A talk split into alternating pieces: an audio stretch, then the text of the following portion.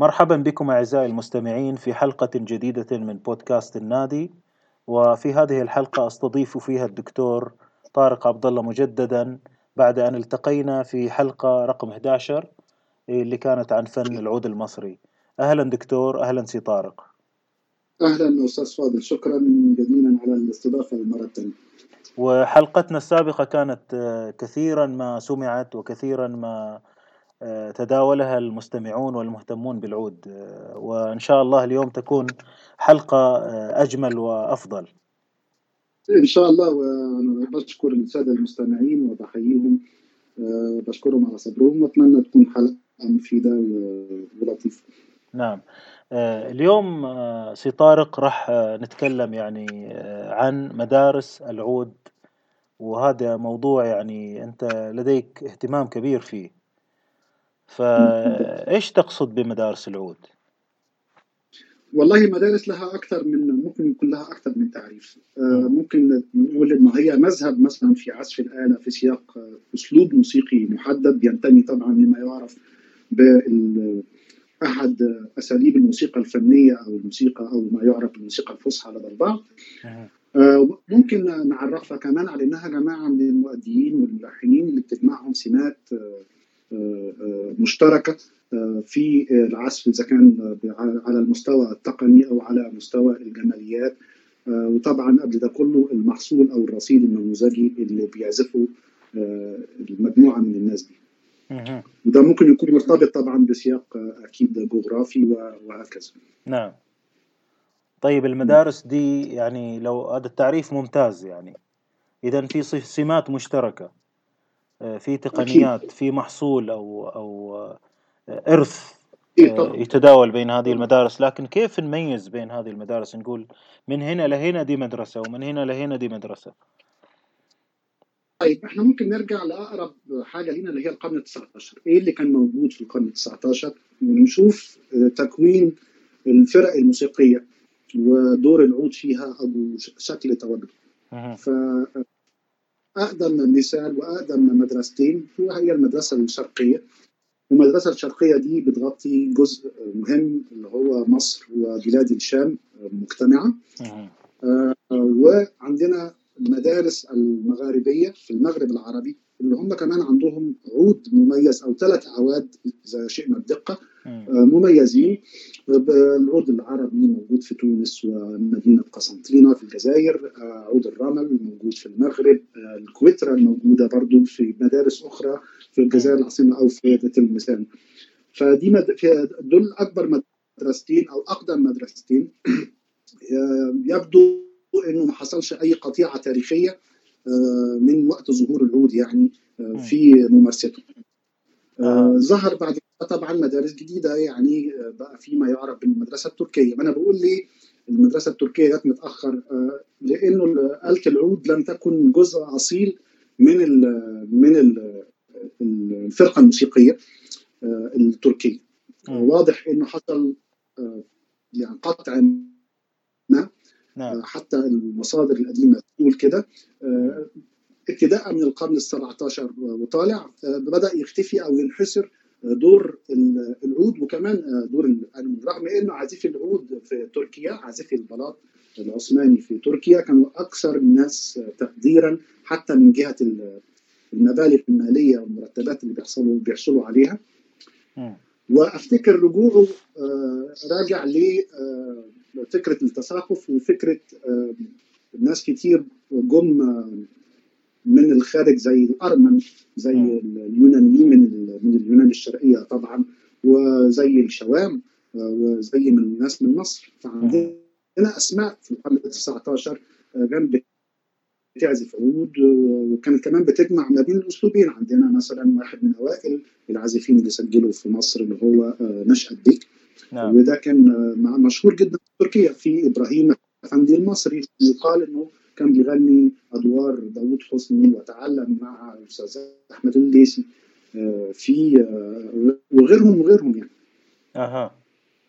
نعم. اذا يعني فدي المدارس التركية. وبعدين وبعدين ظهرت مدارس أحدث بقى. يعني آه. ظهرت مدارس أحدث. آه ليه مثلا آه في العراق العود برضو اختفى الفترة ما كانش جزء أصيل من الفرقة الموسيقية التي تؤدي المقام العراقي آه إمتى تم إضافته؟ تمت إضافته الشلغ بالضبط البغدادي آه تمت إضافته في في العشرينات في منتصف العشرينات مع آه محمد القبانجي. وطبعا أشهر عازف وكانت حتى رئيس فرقة مع محمد القبانجي. هو عزوري هارون وهو من يهود العراق مولود سنة 1900 وحصل على ثقافة موسيقية يعني رفيعة ودرس مع موسيقي شهير آه، اللي هو إبراهيم أدهم. وكان بيتقن النوتة الموسيقية وكان كمان عنده ثقافة مزدوجة يعني ضليع في فكرة المقامات العراقية. وكان كمان شاطر في المحصول الشرقي. وكان بيقلد طبعا بعض العازفين من سوريا ومن مصر وهكذا مع حتى مع زملاء. وله تسجيلات مهمة وشارك حتى في مؤتمر 1932 فدي بداية ظهور العود آه، في العراق. وحتى كصناعة يقال انه آه، حن عواد اللي هو آه، راجل من أشهر صناع الآلات الشرقية في في العراق. هو بدأ يصنع عود متأخر يعني مثلا يقال 1890 صنع أول عود. وصنعه لأنه كان بيتردد عليه بعض الموسيقيين ومرة جاله ضابط آه، من الجيش العثماني أصله من حلب عشان يصلح العود بتاعه عنده. فعجب الفكرة وبدأ يجرب. فعرض عليه العود أول مرة وبدأ يديله آه، نصايح وهكذا. وفضل يعني مستمر في الصناعة لحد ما صنع آخر عود ليه. في الثلاثينات أفتكر سنة 33 لم أكن مخطئ وده كان عود المفروض إن هو تحفة عمله بعشرات الألاف من القطع نعم. الخشبية ويقال إنه عزف عليه عازف كبير من سوريا اللي هو شحاده سعادة. فادي آه. المدارس اللي إحنا نعرفها آه، لحد منتصف العشرينات. تمام دي كلمة اللي إحنا نعرفها كان هو يعني شيء في خاطر السؤال وهو يعني اختفاء العود لما نقول اختفى هل هل بسبب عدم وجود وثائق أو دليل أو في توثيق انه إنه كان مختفي سواء في تركيا أو في العراق مثلا في الشالغي البغدادي أنا عشان كده بقول ان هو يعني اختفى من الفرقة الموسيقية التقليدية أو اللي بتقدم الموسيقى الفنية نمرة واحد. و وبقول كمان إنه انحصر دور يعني أكيد كان موجود لكن نعم. كان في آه، إطار معين في إطار جلسات خاصة مثلا يعني. غير منتشر. آه, آه غير منتشر ومش في الصدارة. آه. ده اللي ده اللي مش في الصدارة ومش منوط به ان هو آه يقدم آه الموسيقى الفنية بتاعه البقعة دي أو المكان ده أو المدرسة دي. طيب طيب دكتور الآن بالنسبة إلى موضوع آه الأسلوب أو المدرسة في حال الأتراك مثلا في الفترة اللي كان آه، العود مثلا غير منتشر أو في العراق. هل ممكن نقول أن المجموعة القليلة هذه السلة القليلة هي اللي حفظت هذا الأسلوب أو هذه المدرسة في الفترات أكيد هذه. أكيد وبعدين برضو آه، أكيد كان في مجهودات تانية لتطويع الآلة لعزف الموسيقى دي آه، مثلا في تركيا عندنا أسماء عازفين مشهورين زي مثلا أشهرهم وأنا بحبه جدا هو نورس بيك آه، فما نعرفش من إمتى هو بيعزف عود وهل كان بيعزف آلات تانية لكن واضح إنه آه، المدرسة التركية آه، تقنيا على الأقل وحتى على مستوى الجماليات هي متأثرة قوي قوي قوي بطريقه العزف على أعواد الرقبة الطويلة اللي هو آلة الطنبور الآلة المفضلة بالنسبة لهم. نعم. فهنلاقي إنه في استخدام كبير لعزف لعزف المواضع أو عزف المواضع آه، في وده طبعا له له له أكثر من سبب يعني. آه، منها ان إن إحنا بنقلد الزخارف الغنائية لأنه دايما الآلة بتبتدي بالمحاكاة محاكاة الصوت لحد ما بتبقى تاخد يعني شخصية مستقلة. وحاجة ثانية لها علاقة بالضرورة نظامية يعني بسبب الأبعاد المختلفة شوية والمميزة للموسيقى التركية واللي ما ينفعش تعزف دايما على أوتار مطلقة. نعم. فلازم يعفى بصبعه كده. وطوروا أنواع معينة من من الزحلقات أو الجليساندو آه، قريبة جدا من طريقة عزف الطنبور حتى في أسلوب الريشة حتى في مسكتها عند عند البعض. نعم. طريقة مسكة الريشة عند البعض أو العزف بريشة صغيرة كده. أها. جميل. طيب البلاد الثانية اللي ما ذكرناها مثلا الفرس آه، أذربيجان آه، اليونان آه، طبعا في أنواع بقى كثيره جدا من من الاعواد هو طبعا العود اختفى برضه من بالتزامن على رأي بعض الباحثين يعني من من بلاد الفرس ومن تركيا. يمكن البعض بيعزو ده لاصله العربي وفكرة العداوة التاريخية وكده ويمكن يكون في العراق الموضوع وصل للدرجة دي يعني. لأنه حتى الشلغه البغدادي هي مكونة من ألتين وألتين ايقاع ألتين وتريتين. والتين أجوزة وسنطور بالظبط وسنطور حديدي وطبقة عالية وكده. أها. جميل. آه فطبعا أنا حابب نفضل في إطار الموسيقات الفنية للوطن العربي. آه طبعا ممكن نتكلم طبعا عن اليمن عن القنبوز أو التوربيا والطرب ودي آلة آه، من فصيلة العود وده العود اليمني صحيح. هو معروف. اليمني ومع ذلك حصل ظاهرة آه، ما ممكن نتكلم فيها بعدين تمام. إنه بدأ ينحسر دور الآلات التقليدية يعني بتاعة بعض الثقافات منها القندوس ومنها العود العربي وهكذا. نعم. وكذلك العود اللي في الكويت أو اللي في الخليج في الفترات الأولى. أيوة. مم. نعم. بالضبط. من العود الهندي أو ما ما أتى بعده يعني من الأشياء اللي تطرق لها دائما الدكتور الصالحي مثلا. بالضبط كده. الدكتور الصالحي طبعا له مقال مهم عن عن العود الهندي لكن هو برضه العود الهندي ده هتلاقي إن هو عود برضه رقبة طويلة يعني. مش عود رقبة قصيرة. أنا بتكلم النهارده وحابب نفضل في إطار الاعواد الرقبة القصيرة. صحيح. تمام. وفي إطار المدارس الكبرى وما آه، يعني أستحدث بعد كده من العشرينات وطالع. تمام ممتاز. طيب المدارس دي آه، أكيد أكيد غير مستقرة يعني مش واقفة في مكان معين يعني. كانت تتطور أو تنقل من بعضها البعض أو آه، يعني كيف كيف نتابعها وندرسها كده أو تعطينا فكرة؟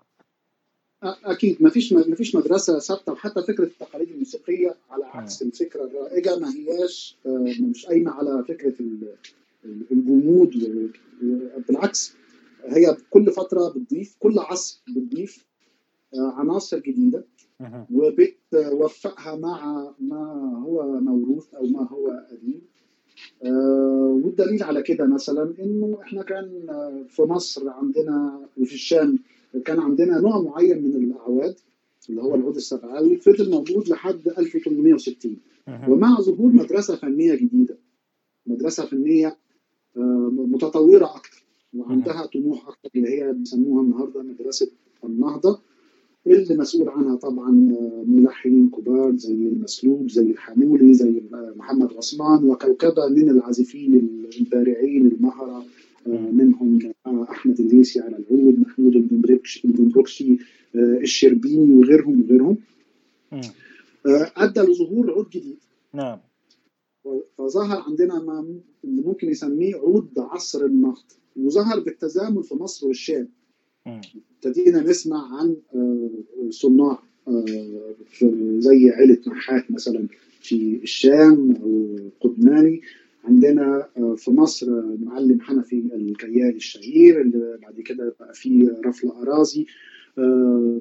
حتى صناع من أصول تركية موجودين في مصر زي أمين أثريد ظهر عود جديد له قياسات مختلفة علشان يعني يلبي الحاجة الجديدة دي بتاعة إنه بقى في فن دور مش عارف عامل إزاي بقى في بشارف أكثر صعوبة ومحتاجة تمرس بقى في ابتكارات جديدة في آلات مختلفة. دخل دخلت الكمانجا مكان الرباب القديم أو اللي كان اسمها الكمانجا برضو. فبقى في منافسة حامية الوطيس ما بين أعضاء التخت لأنه برضه أي فرقة موسيقية في الشرق هتلاقي إن هو مجموعة من العازفين المنفردين. نعم. كل آلة موجودة مرة واحدة. ولازم يعزفوا في إطار يعني سياق هيتروفوني. نعم. ف أو أول توثيق نقدر يعني نحلل من خلاله هو التسجيلات. نعم. عندنا طبعا مصادر بتتكلم عن عن أسماء عازفين من القرن ال 19 لكن أهم حاجة وأهم وثيقة تقدر تسمح بالتحليل الموسيقي الشبه موضوعي يعني. هو التسجيلات اللي وصلت مصر 1903 وصلت بر الشام 1906 ووصلت العراق 1925 وهكذا. طيب لو تجرأنا شوية ورجعنا إلى المصادر الأقدم من التسجيلات وخلينا مثلا نقفز إلى العصر العباسي. هل في هذه المصادر أي دليل على فكرة المدارس أو فكرة الأساليب أو فكرة الموروث أو طبعا. أي أي نوع من أنواع يعني الثقافة دي اللي نتكلم عنها الآن؟ طبعا طبعا. أقدم مرجع بيكلمنا عن فكرة المذاهب هو الرسالة في اللحون والنغم للكندي ودي تقريبا منتصف القرن التاسع الميلادي. فهو بيأكد إنه لكل قوم مذهب وقال إنه عدت ثلاث مذاهب أساسية. وما قالش وقال إن في غيرهم كمان. قال إن في مذهب الفرس ومذهب الروم ومذهب العرب. وقال فروقات خفيفة كده حتى في في رسائل أخرى عن الفروقات ما بينهم فقال إنه مذهب الروم على لحنهم الثمانية. ومذهب الفرس هو الخفة والسرعة. بعد وقوفهم يعني على طرق الحذاق منهم. وواضح إنه الفرس كان عندهم عدد كبير جدا من طرق الضرب ويمكن لها أسماء كتير في المهرجاني وكده. فبيقولوا إنها كان بعدد أيام السنة. نعم. آه ومذهب العرب في التنقل آه بالضرب على أصولهم الثمانية. واللائق طبعا بطرق آه غنائهم والاصول الثمانيه هي طبعا الاصول الايقاعيه الثقيل الأول والثقيل الثاني والخفيف وهكذا. نعم. جميل. فده أقدم المراجع اللي بيكلمنا عن الفرق في طرق العزف. عندنا بعد كده مرجع تاني القرن ال11 بتاع حاول فنون وسلوة المحزون بتاع ابن الطحان من مصر. وبيكلمنا عن الاعواد الفارسية اللي كان وقتها عدد العازفين عليها قليل وبالتالي ما ما دخلش كتير في في تفاصيلها لكن بيدينا تفصيلة مهمة جدا إن الاعواد دي كانت رقبتها رفيعه جدا لدرجة إن الإبهام له عمل فيها. وده بيفكرنا يعني بطريقة البزق وكده. وقتها يعني ده شيء مستحسن مدح فيه يعني. آه عندنا مظاهر أخرى عن مثلا في مسالك الأبصار آه في حديث عن أبو العز العواد وده كان ملحن وشاعر وضارب عود ومغني وكان مليح الصوت نعم. وده اتخذ مذهب الغجر بالظبط في نعم. في الضرب. فالموضوع مرتبط نمرة واحد بطريقة اللي بيسموها الانتقال أو التنقل في الضرب. نعم.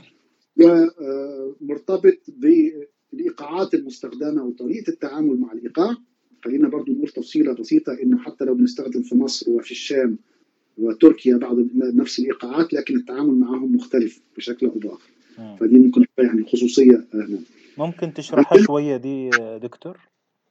تمام. يعني عندنا مثلا بيقولوا في تركيا وده في باحث اسمه مثلا فيليب فيجرو وده عمل طريقة عن يعني method للطبلة وعمل أبحاث كتير عن الموسيقى المصرية وعن المؤتمر 32 آه بيتكلم عن فرق أساسي في الإيقاعات المشتركة. يعني في شامبر هنا وفي شامبر هنا. تمام؟ آه وفي شامبر في في في سوريا. في مثلا نواخت عندنا في مصر ونواخت في الشام. نعم. ففي مصر لا لا نبدأ النواخت من نفس نقطة البداية بتاعه الشوام فده اختلاف في فكرة الشروع في الضرب أو الشروع في التلحين. آه في الأتراك بيحبوا يعزفوا الإيقاع. طبعا هو بيبقى مكتوب من الألف للياء. نعم. يعني خلاص اتسجل فبكل بقى زخارفه بكل ضربات اليد اليمنى واليد اليسرى هو مكتوب ومحدد. يعني مثبت. ما في ارتجال ما في تنويع ما في بالضبط كده. وفي كمان فكرة تبسيط أو يعني ما يحبوش يزخرفوا كتير زي مثلا ما يحصل ممكن يحصل في في الإيقاعات التناول المصري للإيقاع. تفعيل الضغوط ما بين النغمات الأساسية ما يمكن أن يعني كان بيسموه تضعيف مثلا تضعيف النقرات أو عكسها اللي هو الطي كده. إيه. وبالمناسبة رجوعا لفكرة برضو أساليب العود وصلنا إنه في القرن ال 13 أو ال 14 أيام ال- خلال الحقبة المملوكية أصبحت في آه، يعني آه، تنقل في فروع الضرب آه، مم. خمس أنواع نعم. خمس فروع. نعم. منهم التضعيف. نعم. وقالوا إنه في غير موضعه قبيح. وأقبح منه التسفيع اللي هو سوري إنك تضرب وجه الآلة بالريشة. وممكن تكسرها كمان. نعم. اللي بيبقوا يسموه منجد يعني دلوقتي حاليا. إيه. آه، وفي آه، ده ده التضعيف. وبعدين بيتكلم على الجولان. مم. الجولان هو آه، أعتقد يعني والله أعلم ده برضو تفسير للدكتور محمود قطات في مناقشة شخصية مم. إنه آه، مرتبط بفكرة زيارة مقامات تانية وفكرة التحولات يعني. مم. فالتضعيف والطي وال- والجولان. والسقف ودي كلمة برضو مش مش مش مفهومة قوي المهم يعني كان في خمس مصطلحات. اتغيروا أيام عصر النهضه نعم فبقى في واحد يسموه مفرد شاتي أو. مفرد شاتي أيوه وواضح إن هذا المصطلح ظهر في اليمن وفي شعر كمان عنه. آه، وفي ال- ال- البصمجي. والبصمجي ده هو يعني ممكن يكون اللي بيكثر في استخدام اسلوب البصم اللي البعض للأسف حتى الآن بيعرفوا على إنه بتثبت إيدك اليمين ما بتشتغلش. إيدك الشمال فقط هي اللي بتضرب لكن دي فكرة يعني فكرة البصم أو تعريفه زي فكرة الصد لكن البصم كأسلوب. فهو بيعتمد على التكامل ما بين حركة اليد اليمنى وحركة اليد اليسرى. بحيث إنه تستخدم طابع اليد اليسرى ما بين حركات الصد والرد. بطريقة استخدام ريشة ثانية أو ثالثه أو رابعة. وأقدم نموذج تاريخي عليه. هو آه، وثائق مهمة اسمها آه، وثائق جنيزه القاهرة نعم جنيزه القاهرة دي الجنيزه هي أصل كلمه جنازه أو جيزة. آه، هو المكان اللي كانت تدفن فيه الوثائق المهمة في المعبد اليهودي. نعم. وأنا اعتقد إن هذا التمرين دخل دخل وثيقه منها فيها ثلاث تمارين للعود. ثلاث تمارين. واعتقد إنها في القرن ال11 مهم. وهذا التمرين مكون من 12 نغمة. مم. 12 نغمة. نعم. منهم ستة بيعزفوا بيعزفوا حركة الصد. وأربعة بحريف لفكرة البصم المتكامل.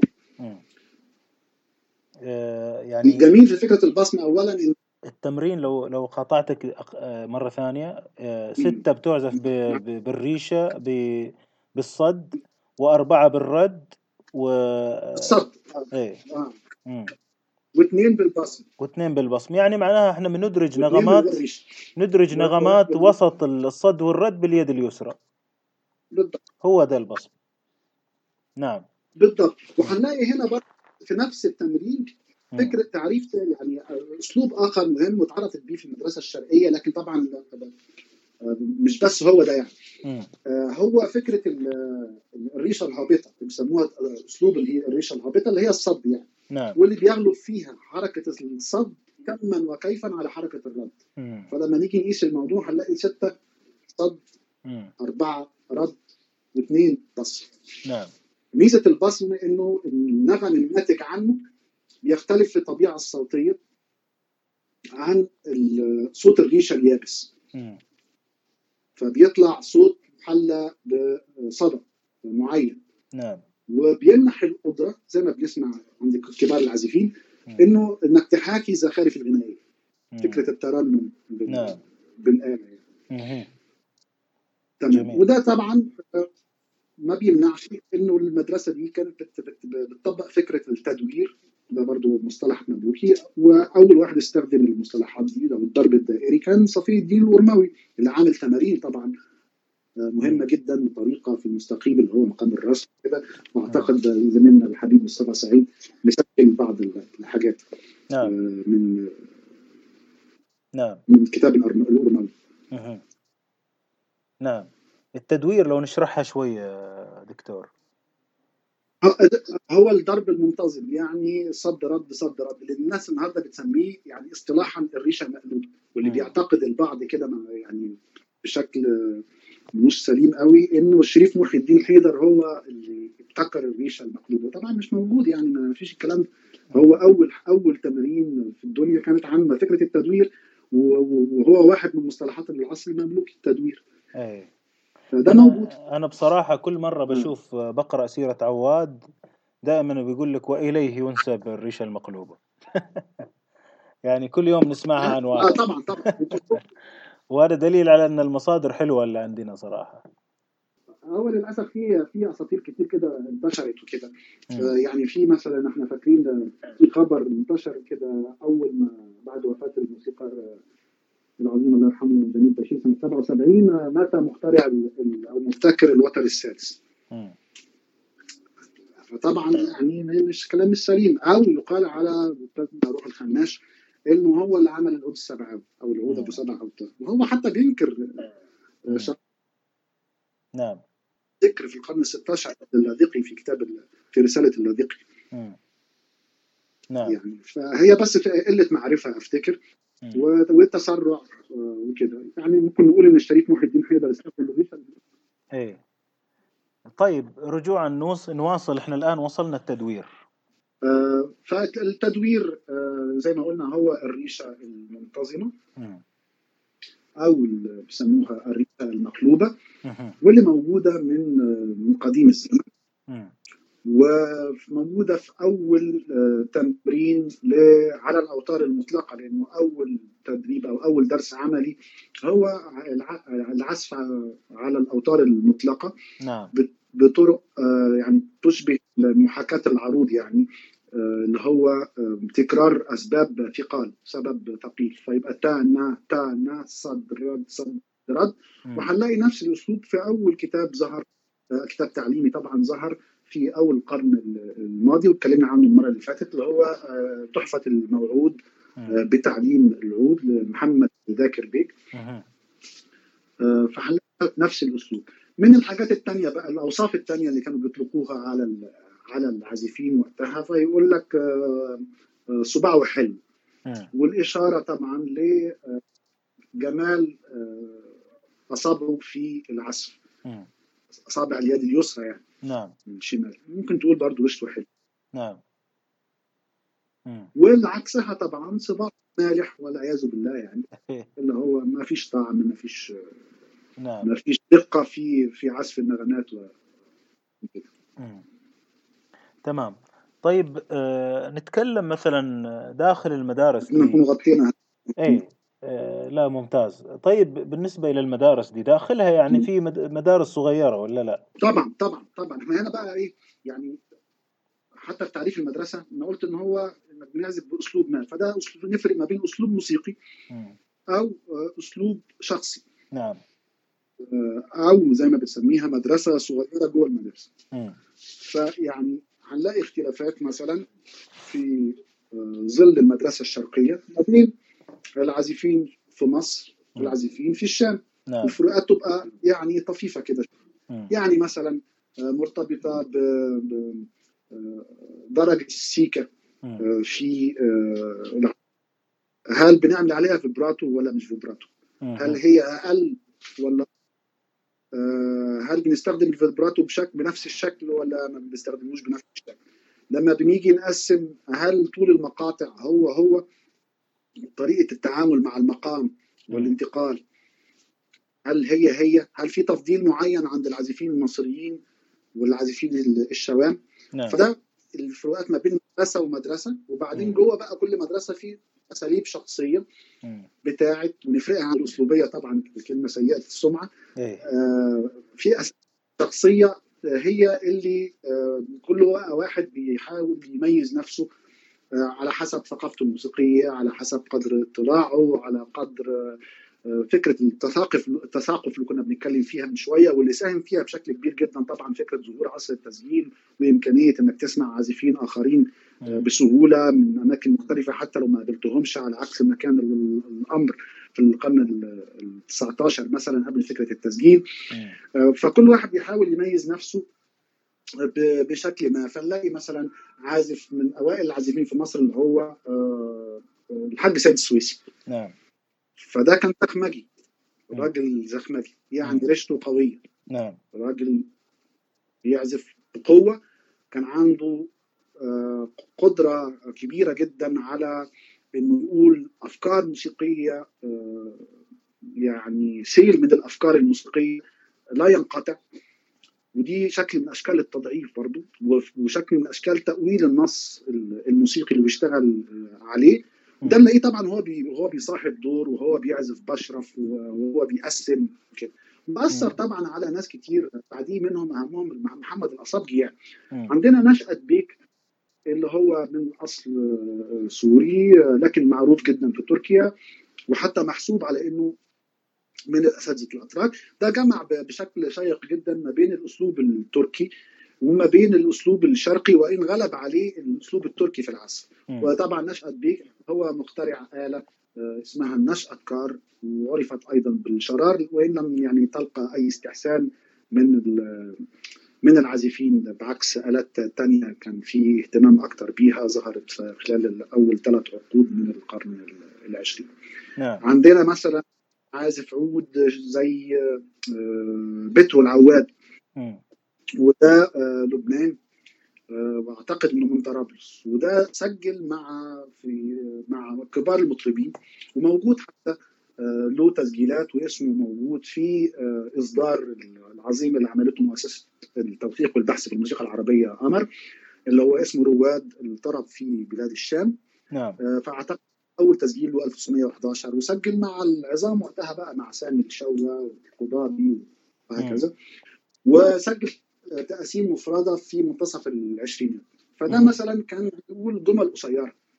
جمل في تقسيم قصيرة. فلما يجي يسجل آه، تقسيمه على وجهين آه، الأمثلة المماثلة آه، تبقى 15 مقطع. يعني كامل بيك رشدي وده أحد الهواة أو عند الأصابجي. لكن عند اسمه بترو العواد تلاقيهم 22 23 يقطع الجمل كتير. جميل. آه، آه، لما نشوف عازف زي شحاتة سعادة. هو عازف عود عظيم جدا جدا جدا ومن الكبار يعني عازف سوري مهم مهم وإن لم نكن نعرف عنه حاجات كتير يعني. ده كان بيلجأ للمقاطع الطويلة جدا في العزف. يخلص التقسيمة على وش واحد ثلاث أربع دقائق في أربع مقاطع. خلاص بعكس معظم العازفين الآخرين من 7 ل 11 مقطع على نعم. الحاجات دي هو يعني كلها فكرة آه، لها علاقة بأسلوب الشخص. نعم. بيحب إيه وبيقدر يميز نفسه بيها. ممكن يميز نفسه بقى تقنيا ب... ب... باستخدام مش عارف آه، نوع معين من الفرداج باستخدام طريقة معينة في الجليساندو أو في الزحلقة باستخدام الترعيد مثلا. أو مواضع ما كانش مفضلة أو دوزان. بالضبط كده بالضبط. تمام. الآن إحنا تطرقنا إلى بعض العازفين اللي بيختلفوا عن بعض مثلا في التقسيمة. بس هم يعني لهم آه، زي ما تقول آه، نكهة داخل مدرسة. بس هم ملتزمين مثلا بقالب التقسيمة بشكل آه، دقيق رغم اختلافاتهم الداخلية حتى في القالب ورغم اختلافاتهم في المدارس كمدارس عود بالضبط إيه. جدا جدا جدا جدا. يعني هو بس الاختلاف اللي هو كان متأثرين قوي بالأسلوب التركي لأن الأسلوب التركي حتى في التقسيم مختلف شوية. يعني هو ما عندوش نفس مفهوم القفلة في التقاسيم زي عندنا صحيح صحيح. دي حاجة. في آه، اعتبارات ثانية مثلا استخدام فكره الترعيد. آه، أنواع معينة من التريلات دي موجودة جدا عند نشأة بيك في نعم. القصيم. موجودة جدا من الأول. آه، فكرة إنه مثلا لما يجي يقسم آه، بيستعرض مدى نغمي كبير جدا من أول مقطع أو مقطعين. على عكس إنه الطريقة العربية عشان برضه نخليهم يبقى في المثال وضده نعم. هتلاقي إنه التطور يحصل واحدة واحدة. التطور يحصل واحدة واحدة. وأدي نعم. مثال. نعم. يعني وما أكثرها بقى. من سنة 3 سنه 37 في عندنا. خلينا ندي مثال على موضوع التقاسيم في في إطار آه، عربي. آه، في تقاسيم الرقص مثلا اللي هي كثيره جدا ومتعددة والأمثلة بالعشرات هنلاقي إنه في الأسلوب العربي هو دايما بيستعرض في أول مقطع أو مقطعين من مدى من اليكاه أو من الصول واحد لحد جوابها النواة بالكتير نعم. وبعدين يبتدي يطور منطقة الوسط. في حين إن عند الأتراك هتلاقي الموضوع مش كده. نعم. فهو بي من أول من أول مقطع أو مقطعين هو ممكن يدخل في اثنين octave أو نعم. octave ونص. نعم. فدي حاجات لها علاقة يعني بال- بالأسلوب اذا كان أو طريقة تقسيم الوقت قسمة الزمن يعني وقسمة الفراغ الفراغ الصوتي قصدي. مم. والاطلاع يعني يعني أنت ذكرت مثلا عن ربما الأسلوب كان أكثر وضوحا وأكثر قربا بالنسبة للناس لما كانوا بعيدين عن عصر الاسطوانات. يمكن لما دخلت الاسطوانات بدأوا الناس يشوفوا مناطق جغرافية جديدة عليهم فتداخلت الأساليب والمدارس. صحيح صحيح. ثم عصر الإنترنت فيما بعد يعني والشرايط وما قبل ذلك والتلفزيون. لا كنا دخلنا في الكوكتيل بقى. إيه. الموضوع دخل كله كله دخل على كله. آه،. طبعا في القرن ال 19 ده ما يمنعش إنه كان في تثاقف لأنه. لما نشوف ال- ال- العازفين وجولاتهم هنلاقي مثلا مش حتى سعادة ده كان موجود في العراق في وقت من الأوقات وبيروح إسطنبول وبيجي يعزف عندنا في مصر في- من وقت لاخر مع في كازينو الفلانه الفلانية. هنلاقي إن صليب الخطيب عازف العود العظيم برضه كان موجود في العراق وسافر تركيا وسافر مصر وراح مسرح تونس هنلاقي إن عازفين من مصر عملوا رحلات عكسية وراحوا استقروا وعاشوا هناك. آه، ناس طلعت من فلسطين وزي أستاذنا روح الخماش جه مصر وبعدين انتقل إلى العراق لا كان في فكرة تثاقف موجودة طول الوقت لكن على الأقل كانت موجودة في إطار لسه ما. يعرف بالتقاليد الموسيقيه. القديمه. دخل بقى 30 عنصر غير فكرة إعلام الحشود وتسجيل الأسطوانة والسينما منها إن منظومة التعليم نفسها بدأت تتبدل بدأت. تتغير وبدا في تركيز أقل على قوالب هي بالنسبة لنا أصول منها البشارف والموشحات وإهمالهم كان جه بضرر كبير جدا جدا جدا جدا على. الموسيقى الشرق بالكامل في المغرب هنلاقي برضو ظواهر كده في ناس اشتكت يعني مثلا الدكتور محمود قطاط لاحظ. سنة 80 لما عمل كتاب صدر بالفرنساوي عن موسيقى المغرب العربي إنه آه، عن انحسار دور العود العربي والأعواد كلها المغربية دي كلها أربع أوتار فقط نعم ويستخدموا أوتار الأمعاء ولها صوت معين ولها نظام آه، ضبط أو تسوية آه، مختلف ومعقد جدا وبيفرض آه، طريقة معينة في العزف وطريقة معينة في إصدار الزخارف. لما تم استبداله بالعود الشرقي يرى البعض ان ده أثر على الأسلوب الموسيقي نفسه. وده حصل في أماكن تانية. فكرة كمان إنه ندخل ندخل في في في المجموعات الفرق الموسيقية آلات ثابتة زي ما حصل في الجزائر. نعم. يعني في مؤتمر 1932 الفرقه الجزائريه كان معاها عازف مندولين. طيب عازف مندولين ده يعني 12 نص تون ومعدل. ما يعرف بالسلم المعدل. نعم. فأكيد ده أصلا حتى لو آه، ما هو فكرة الثلاث أرباع الصوت مش موجودة قوي في في في ال- في الثقافة دي. ففكره التثاقف كانت موجودة قبل آه، فكرة التسجيل وفضلت مكملة. وبدأ يبقى في تلاقح آه، آه، يعني إيجابي ومفيد. فأنا أعتقد مثلا إنه الأصابجي برضه تأثر بجميل بيك الطنبوري وتأثر بنشأة بيك زي ما تأثر بسيد السويسي. هنلاقي ناس كتيرة جدا اتأثرت بمحمد الأصابجي بعدها. من المحيط للخليج. مم. وفي عازفين وأمثلة كتير جدا رجالة وستات كمان. نعم. آه، فنرجع لفكرة التعليم. أول بد- بدأنا في فكرة التعليم النظامي في العشرينات. آه، بدأ يبقى في شيء مختلف. لأنك فرضت فكرة النوتة وهنا دخلنا في مشاكل كتير. آه، طيب انهي آه، هل التدوين ده سليم؟ طب لما أجي أدون الموشح هعمل إزاي؟ فضلنا في الحزب ده فترة طويلة جدا. صحيح. ودخلت بقى مواد جديدة. صحيح. بقى عندك غير غير إدخال المناهج الغربية كوسيلة لتعليم الموسيقى الشرقية. ده اللي حصل بالظبط في مصر. إيه وإن إن المناهج مثلا دي آه، قديمة ومتقدمة وإحنا فين و... وغلطنا على أنفسنا كثير وتأخرنا. ما هو ده شيء غريب جدا. يعني آه، آه، حتى آه، البارون آه، بيرلانزي بيقول يعني مش مستحيل تعلم قواعد اللغة العربية أو اللغة العربية من خلال قواعد اللغة الإنجليزية أو الفرنسية. نعم. مستحيل. نعم. مش هينفع تعمل. إحنا حاولنا نعمله في فترة من الفترات. طبعا في وقت ما كان الموضوع مفيد لأن كانت لسه زي ما بيقولوا إيه الأرض بخيرها يعني. نعم. لسه في اساتذه عايشين كان لسه في درويش الحريري لسه كان في أسد كان في مصطفى رضا. اللي كان بيعزف والتزم إنه يعزف وفرض القانون من غير عرف حتى في في إطار المنهج بتاعه. عندك أسماء يعني هامة جدا ناس شربت من من ما يعرف بمحصول عصر النهضة وكده. نعم. هو هو كذلك يعني دكتور مثلا إن إن الواحد يعرف بيستخدم النوتة ليه مثلا؟ يكون أكبر من الخوف من من النوتة بيستخدمها فيما ينفع.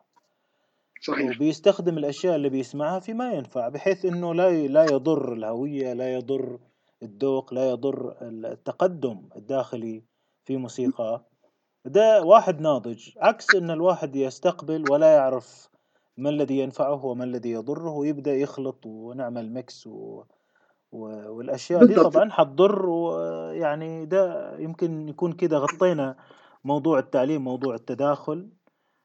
عندي سؤال عن موضوع المدارس. يعني المدارس لو لو قلنا أنت زي ما ذكرت دكتور إنها كانت متصلة نوعا ما في المناطق الكبيرة اللي تحدثنا عنها هل في مدارس جديدة طرأت أو يعني خرجت كطفرة جينية مثلا واستمرت في في هذه البلاد؟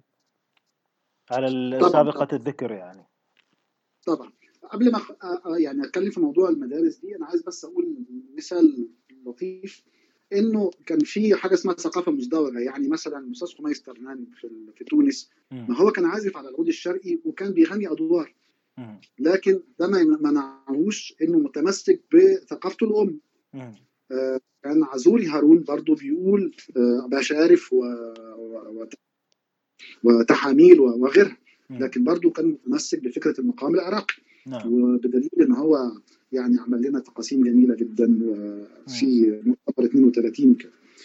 رجوعا لفكرة المدارس اللي أنا بسميها مدارس البراعة العوديه أو مدارس الفيرتيوزيه في الوطن العربي فعندنا تجربتين. التجربة الأولى هي تجربة الشريف محي الدين حيدر. وهو رجل عظيم طبعا. كان عنده ثقافة مزدوجة. واحدة عثمانية. نعم. والثانيه غربية بحت لأنه كان عازف التشيلو يقال إنه سنة 19 بدأ يطبق ما تعلمه على التشيلو نفس قاعدة الأصابع وابدل موضوع القوس بالريشه المقلوبه وبدأ يألف للعود مؤلفات أو يقتبس. يألف أو يقتبس. نعم. فعمل مقطوعات منها مثلا ليت لي جناح ودي اقتباس مبسط من عمل لمؤلف فرنساوي من القرن ال 18 اللي هو ترجمة اسم المقطوعة طائر اللقوق يعني. أها. ليت ليت لي جناح اللي جابت لنا بعد اسمها بالفرنساوي؟ لوكوكو. امم نعم. آه. بتاعت حد اسمه داكان امم وده توفي تقريبا 1760 أو حاجة أو 1770 مش فاكر بالظبط لكن المقطوعه تقريبا كانت مؤلفة في سنه 35 حاجة كده. تمام. وعندي مقطوعة كانت لل للكلافسان مش مش حتى مش مش آلة وترية بالمعنى الحرفي للكلمة. نعم. فهو اقتبسها. وبعدين سنة 23 ألف كبرس واحد وكبرس 1961 وانتقل طبعا للولايات المتحدة وسنة 28 عمل أول حفلة لنوعها يعني آه، في نيويورك اللي هو عزف نصها على آلة التشيلو. لكن هو طبعا كان متقن جدا جدا على حسب ما سمعنا قرينا من نقد يعني في الجرائد الأمريكية وما ما ما لقى من ترحيب. للموسيقى الغربية بأصولها الحقيقية وعمل أول حفلة عزف منفرد بالمعنى الحديث للكلمة. ميزة محي الدين حيدر إنه عمره ما خلط ما بين تقاليد عثمانية طبعا وما بين حداثة وهو مبتكر. ما خلطش ما بين الاثنين. لكن طبعا لما جه يعمل تجربة تعليمية اللي هي ما يعرف اليوم بمدرسة عود بغداد. اللي افتتحها سنة 37 وكان بيدرس فيها تشيلو وعود وله تلامذة أشرف عليها بنفسه 10 سنوات وأنا أعتقد إن هي دي بس ما يمكن نطلق عليه مدرسة عود بغداد. نعم. وتخرج منها منير وجميل بشير وغيرهم وسلمان شكر. ف آه، سنة 37 عمل المدرسة دي لكن على أسس غربية تماما. يعني إن سلمان شكر بيقول إنه قعد أول كام سنة ما خدش ولا مقطوعة شرقية. كان بياخد بس في تمارين ويتيود ودراسات وحاجات بالشكل ده. طبعا هو بيدونها للطلبة بنفسه. فده طبعا أسلوب تغريبي جدا. هي المقطوعات دي كانت أول محاولة واعية لتغريب آلة العود تغريب فنون. وبعدين تغريب فكرة التعليم. لأنه واضح إن الشريف محي الدين حيدر كان عنده فكرة شوية آه، مش آه، مش لطيفة عن الموسيقى الشرقية اللي اعتبرها آه، لن تتعدى مرحلة الطفولة. لأن يعني حاجة غريبة جدا. حاجة غريبة جدا. لكن ده كان اعتقاد وبعد عشر سنوات من التجربة نكتشف إنه في العراق المسؤولين بدأوا يفهموا إن في نواقص في العملية التعليمية وإنه ما ينفعش الموضوع يكمل أكثر من كده. ويمكن يكون ده السبب إن شريف محي الدين حيدر قال أنا مريض وراح إسطنبول وما رضاش يرجع تاني. وبدأوا يجيبوا أساتذة منهم طبعا علي الدرويش منهم روح الخماش منهم مسعود جميل منهم ناس كتير. علشان يدرسوا آه، آلات آه، آلات موسيقية ويكملوا فكرة النواقص وعندنا كمان دراسة للباحث آه، حسقيل قزمن عن الموسيقى الفنية في العراق وفيها نقد كده لنواقص مدرسة الشريف محي الدين. حيدر والفجوه اللي حصلت ما بين الخريجين وما بين الجمهور إنه موضوع بالطريقة دي أو بفكرة حتى تركيا ما كانش مستساغ بالشكل المطلوب فيعني اضطروا للعزلة. الغريب أن يعني الغريب يعني مواصلة يعني حديثك فقط توقف قليل. يعني إن مثلا بيستثنوا ويصفوا بالنجاح قصة جميل بشير مثلا ومنير آه، كتلاميذ وكقطع وكمرافقة لمغنين مثلا مقارنة بالآخرين اللي مثلا يقفوا على المسرح ويعزفوا بالطريقة اللي ذكرها حسقيل في الكتاب. آه، كذلك يعني بالنسبة لمقولة الشريف عن موضوع عصر الطفولة وين مصدرها هذه دكتور؟ والله موجودة في الكتاب لأن مثلا الشريف آه، عنده مقطوعات كثيرة جدا سجلها مرات من مثلا تقاسيم العشاق أو سماع العشاق أو المستعار أو آه، كثير من الأشياء الشرقية بشكل آه، يعني مؤلف متميز يعني وبارع كذلك. فبالمقارنة مع العزف الغربي اللي سمعنا عنه في الجرايد الأمريكية مثلا زي ما ذكرت ويمكن ما سمعنا له عزف على تشيلو ولا شيء من هذا رغم إنه يعني نتمنى نتمنى نشوف. وهو متعدد يعني موسيقيا ورسام وإلى آخره. بدون احكام مسبقه لكن هذا الكلام هو اللي قاله في آه، معرض رده على الحكومة العراقية لما جاله مراسلة والكلام موجود في الكتاب يعني. أنا مش بقترعه من عندي ونزله حبيب ظاهر العباس في كتاب الشريف محي الدين حيدر آه طيب. هذا المصدر. طيب آه. ممتاز. آه, آه ده ده آه ده, ده المصدر. قال لهم الموسيقى ثلاث عناصر آه لحن و وإيقاع وهارموني وإحنا ما عندناش هارموني ويبقى كده لازم الأول بقى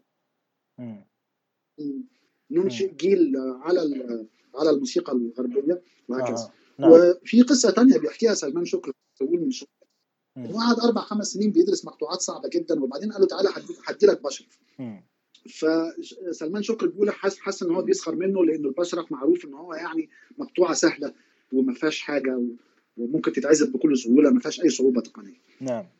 فبعد ما قعد يشتغل أسبوع على البشرف راح سمعه الأستاذ شريف محي الدين حيدر فقال له يا سلمان ذاكر درسك كويس. م. فضل على ده الحال لحد آخر السنة. دي قصة بيحكيها الأستاذ سلمان شكري بنفسه موجوده ومنشورة لا يعني لا أدعيها يعني. اي اي اي لحد آخر السنة لحد ما قال له قال له الشريف محي الدين حيدر قال له اتركه. أنت حتى الآن ما وصلتش للمستوى اللي يخليك تعزف بشر. فأنا أعتقد إن القصة دي اولا معبرة جدا. ليه؟ لأنه الصعوبة التقنية اللي هي للأسف أصبحت النهارده هي غاية في حد ذاتها. وبقت هي الموسيقى بالنسبة للبعض. نعم. آه لم تشفع لحد عنده تقنيات كثيرة جدا إنه يعرف يعزف مقطوعة بسيطة آه زي بشرف. ده بيقول إنه هي على العكس هي مش بسيطة ولا حاجة دي حاجة صعبة جدا لكنها محتاجة مران ومراس ومحصول وخبرة وهكذا. نعم. في قصة ثانية بيحكيها عمر صديقي العزيز عن والده لما راح آه، لندن بي بي سي يسجل. نعم. فقعد يعزف مقطوعات يعني لها علاقة بالأندلس والجيتار وكده. فمدير المحطة قال له أنت ما عندكش موسيقى بتاعتكم؟ قال له آه عندنا المقام ده. قال له خلاص. قال له اعزف لاني لو جبت عيل من الشارع ممكن يعزف المقطوعات دي أحسن من كده. نعم. ده برضه مثال تاني وعلى فكرة ده اتكرر أكتر من مرة يعني. أيوه ف ده كله بيقول لنا إيه؟ بيقول لنا إنه آه، اولا أنت مش ممكن تنافسه في في موسيقته. وثانيا إنه معظم ال معظم ال محاولات الاقتباس والنهل من الموسيقى الغربية هي في معظمها يعني شوية آه، بسيط. بسيط وشوية ما هواش حاجة متطورة ولا حاجة هتجيب شيء لتاريخ الموسيقى. أنا لا أنكر طبعا إن التكنيك مهم جدا نعم. وانه في طفرة تقنيه حصلت لكنها حصلت بأشكال مختلفة. من الداخل زي ما عمل محمد الاصابجي مثلا. حتى لو في وقت من الأوقات كان مشدود بفكرة المدرسة الحديثة. أو حد مثلا زي رياض السنباطي اللي هو المفروض برضه شارب موسيقى كويس أول تقسيم له على مقام النهوان سجله تقريبا سنة 27 أو 28 وتقسيمة شكلها يعني ما شاء الله تقسيمة شرقي لكن ما منعش نفسه يفضل يقول اربيجات نعم. ويقول كروماتيك وكده. نعم. فخد حاجة من خد حاجة من روح التقسيمة نفسها. نعم. وبعدين عمل مقطوعات من اللي بيسموها النوع الوصفي اللي بدأ ينتشر بشكل كبير جدا هي بقى المحاكاة وكلام من ده. ودي برضو واحدة من مظاهر موسيقى القرن ال19 من العصر الرومانتيقي بتاعت أوروبا. فكرة نعم. تقليد أصوات العصافير آه، الشجر. عندنا سامي الشوى مثلا عمل مقطوعات وتم انتقاده بشكل كبير جدا. بيرم التونسي كتب مقالات حتى عن سامي عشان يقول له إنه أفضل آه، ما يعملش كده تاني لأنها كانت شوية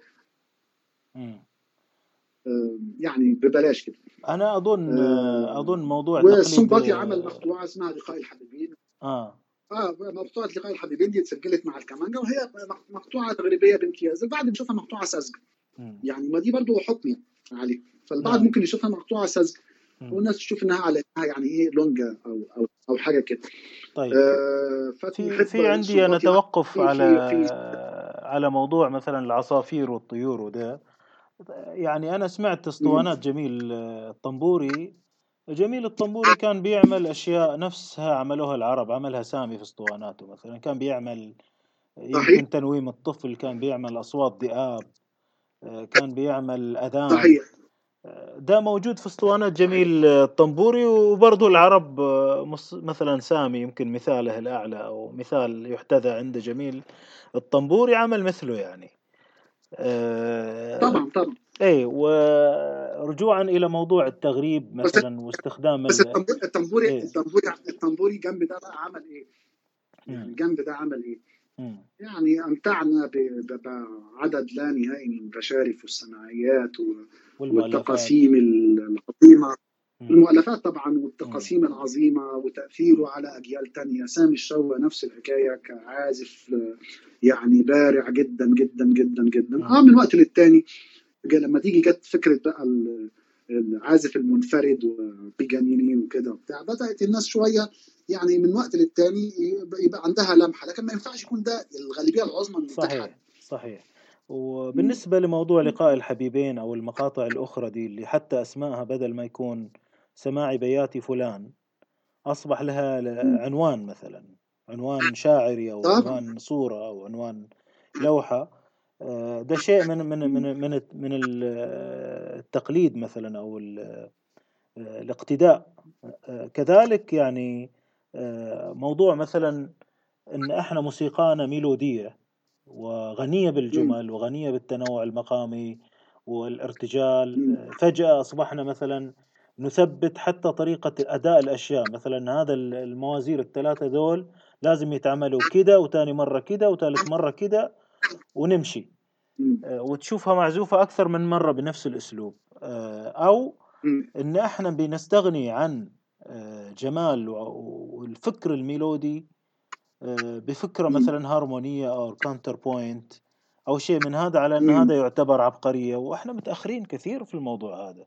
يعني حتى الناس اللي سخرت آه، أنفسها لهذا الشيء لوحده فقط مو كتجريب يعني مش ممنوع التجريب. لكن الناس اللي سخرت وقتها في هذا النوع فقط الواقع يعني لما ننظر لها بعين نقد صريح هي متأخرة جدا جدا مثل ما حصل مع قصة آه، منير بشير في موضوع الإذاعة اللي ذكرتها أو نفس القصة اللي ذكرت في آه، أول مرة عمل حفلة في أوروبا. آه، هي هي بصراحة الواحد يعني لو يحاسب نفسه على ما قيمة الشيء الذي قدمه يمكن يكون يحط أولوياته فيما ينتج في أشياء أهم وأقدر نحن عليها من الأخرى. بالضبط. يعني يبقى في يعني على الأقل يبقى إيه هو ارتباط ما حصل بالموسيقى الفنية اللي كانت تمارس؟ نرجع نقول إنه بقى في جمهور جديد وبقى في نوع جديد من الطرب حصل قطيعه فترة طويلة. دخلنا في موسيقى أفلام وفرق موسيقية ضخمة أوركسترا ما تفهمش ده غربي شرقي ولا ملته إيه بالظبط. عدد كبير جدا من الآلات عائلة الكمان موجودة. طب بتعمل إيه؟ بالضبط كده. فقضيت على فكرة إيه. لا حتى السولو اللي هو المبتذل بقى يعني سوري ما أنت كل كل مظاهر الارتجال قضيت عليها. قضيت عليها قضيت على فكرة الهيتيروفونية. نعم. أول ما بتعدي من آه، عدد محدود قليل من العازفين. كل ما تزود كل ما قللت هامش الحركة. ما بقاش فيه هيتروفونية. والهيتروفونية هي أحد مظاهر الارتجال وأحد مظاهر الحذق والبراعة في الموسيقى لأنه كل عازف بيخترع أو بيعيد ابتكار أداء اللحن بيأوله بشكل مختلف بما يسمح ب يعني السياق الموسيقى نفسه أو المؤلف الموسيقي نفسه وإمكانيات الآلة ثقافته إحساسه اللحظة ردود فعل الجمهور نعم. كل هذا للأسف علشان نعمل فرقة ضخمة ما بتعملش حاجة خالص شكلها وحش وكمان بنجيب مايستروهات بيعملوا حركات غريبة بيوقفوا يشاوروا اشارات مش مفهومة آه ويقول لك آه يعني تطوير في الموسيقى ويغنوا بطريقة ميلودرامية. آه برضو آه أفقدت الموضوع آه الكثير من من رونقه. آه، عشان نتكلم على التجربة الثانية في موضوع المدارس البراعة العوديه هي التجربة نتوقف لحظة دكتور. آه، كذلك يعني موضوع تأخر الإنترنت طبيعة دخول الإنترنت وصل متأخر وخلى نخبة معينة هي اللي مطلعة على موسيقات أخرى من برا. وده سهل موضوع السرقات والاقتباسات و... واستسهال ذلك يعني. اليوم إحنا كل يوم نكتشف آه، اقتباسات وسرقات يعني كاملة. طبعا. يعني سرقة وليمة كاملة يعني كذا وادعاءات وأحيانا الواحد يعني يتأسف على ذلك كثيرا يعني. وهذا الشيء نعم. مرتبط كذلك بموضوع المدارس وموضوع التطوير وموضوع اللي دخل على العود. وثقافة ما موضوع قطيعة مع معرفة معينة. يعني نعم. كمان بقى في تزييف يعني للأسف حتى ال ال الفرق الكبرى اللي كان المفروض إنه دورها إعادة إحياء التراث والموروث الموسيقي هي قدمته بشكل مزيف. نعم. وأنا كنت واحد من الناس اللي عانى عفوا من هذا الموضوع لما جيت أحفظ موشحات مثلا. طبعا مع احترامنا الكامل لفرقة نويرة مثلا الموسيقى العربية أو اهدافه أو كده لكن اللي حصل إنه أنت داخل على فكرة تثبيت وكمان آه، تبسيط غير عادي للخط اللحن ما عندكش بقى نفس طرق الأداء اللي كان بنقول بيها الشيخ سيد الصفتي ولا آه، يوسف المنيلاوي ولا آه، درويش الحريري ولا ولا غيرهم. ما عندكش نفس طرق أداء الدور اللي موجود في آه، كان عند كبار الحته دي من من من مطربين يعني لحد الله يرحمه صالح عبد الحي. لدرجة إن مكتبة اسكندرية لما حبت تحتفي بسيد درويش عملت إصدار آه، في 10 أدوار وجابوا آه، مطربين يعني آه، معاصرين وجابوا موزع موزع يوزع الأدوار ويعمل هرم على الدور. نعم. يعني ما فيش حاجة أصعب من كده. فطبعا أنت بتسمع الدور مرة على الأسطوانة. أنا بفتكر أفتكر كلمة أبو الزيك في في جلسة النادي بيقول الفلوس بتعمل. ده, ده تفسيره للموضوع الفلوس بتعمل. نعم.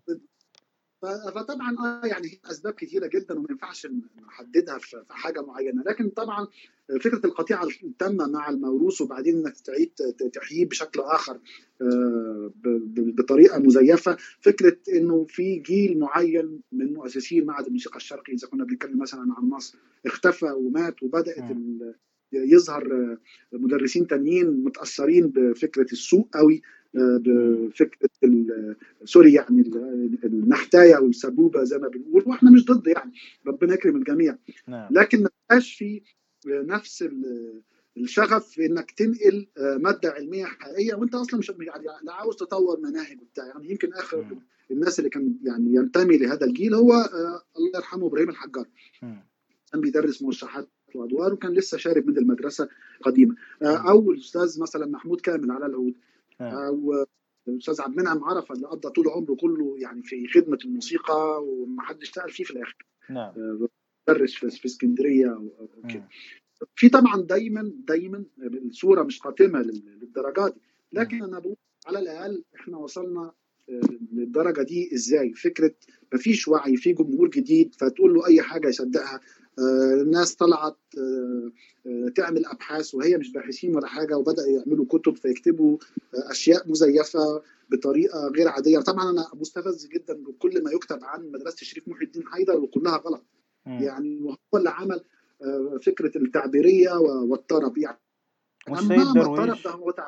مش قالوا سيد درويش عملها؟ طبعا طبعا كل كل شوية نديها واحد تاني. اي بالظبط كده. انت بتاخد الكورة كده انت مش لاقي حاجة تقولها. ما انت مش يعني مش عاوز تشتغل. نعم. يعني اللي عاوز تتعب وتعمل فيقول لك وأول واحد استخدم الصد رد صد صد.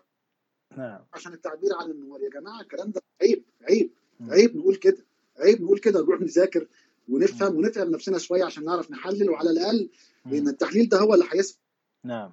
يسمح إنه لما نيجي نعمل آه ننقل حاجة للجيل الجديد نكون بننقلها على أسس سليمة. يبقى آه وأنا بنصح كل الناس إنها تروح تذاكر فعليا. في النهارده الحمد لله بقى في مواقع ومنتديات عليها كنوز. كنوز نعم. لم تكن متاحة لحد التسعينات ما كانش ممكن تكون موجودة والفضل لمجموعة مخلصة جدا من الناس ابتدأت بقى من أول موقع منتدى زرياب سماعي زمان الوصل مؤسسات التوثيق والبحث في 2010 باحثين معتبرين دكتور نداء أبو مراد وغيره الصلحي تسجيلات سعيد. ووثائق بالظبط كده. نعم. زي محمد عنتر بتاع بتتعب على نفسها بالشكل الحقيقي للكلمة. نعم. المشكلة طبعا. في فكرة فن العود الفارد إنه مم. خلاص بقى الموضوع مبني على فكرة الاستعراض والشو. مم. خلاص لازم تمثل. هي بيني وبينك مش في العود مش في العود بس دي موجودة في طبعا. معظم الآلات والناس اللي بتغني والكرد الله يرحمه يعني تعب ومات وانتحر. وإلى آخره يعني الإيقاع الواحد المقام الواحد الجملة الواحدة غير الكلام الكلمات المواضيع. يعني ده الشيء السوق عاوز كده ومش عاوزين نوقع دماغنا وإلى آخره. فللأسف الشديد ده يعني الشيء بيتغير مع وجود الجيد وظهوره وثباته وانتشاره وده الشيء قاعد يصير اليوم رغما عن كل لكن شيء. بقى صحيح لكن اختلط الحابل بالنابل وجي وقت بقى إن إحنا شوية يعني نقف كده وناخد نفسنا ونشوف هو فعلا إيه إيه اللي حصل فعليا؟ نعم. لأنه ما ينفعش نفضل نكمل في سوري يعني كذب وتزوير نعم. للتاريخ وكده. كله النهارده بقى موجود ومتاح بشكل أو بآخر وفي جهود جليلة وعظيمة لمجموعة من الناس المخلصة جدا وبقى عند الأجيال الجديدة. حظ ما جيلي لم يحظى به في عمرهم طبعا. هذا الكنز العظيم المتمثل في موضوع الإنترنت اللي برضه بيحدف عليك كل حاجة. يعني في من ده وفي من ده. لكن على الأقل من الوقت اللي أنت تكون فيه يعني تشتغل شوية محتاج بس الحد الأدنى من فكرة التوجيه. صحيح. لابد أن يكون الشخص شاك وباحث عن دليل وسائل أكثر منه يتقبل أي شيء. آه، طيب دكتور آه، انت قلت لي عن مدرسة الآن واحدة الثانية إيش؟ بالضبط المدرسة الثانية هي يعني copy paste كده. يعني م. لو فتحنا كتاب يعني آه، الشريف محي الدين حيدر وتلامذته وشفنا المراسلات ما بين حيدر والحكومة العراقية فأعتقد من هنا جت المدرسة الثانية اللي هي بيت العود العربي. اللي أنا أحد خريجيه بالمناسبه كنت عاشر خريج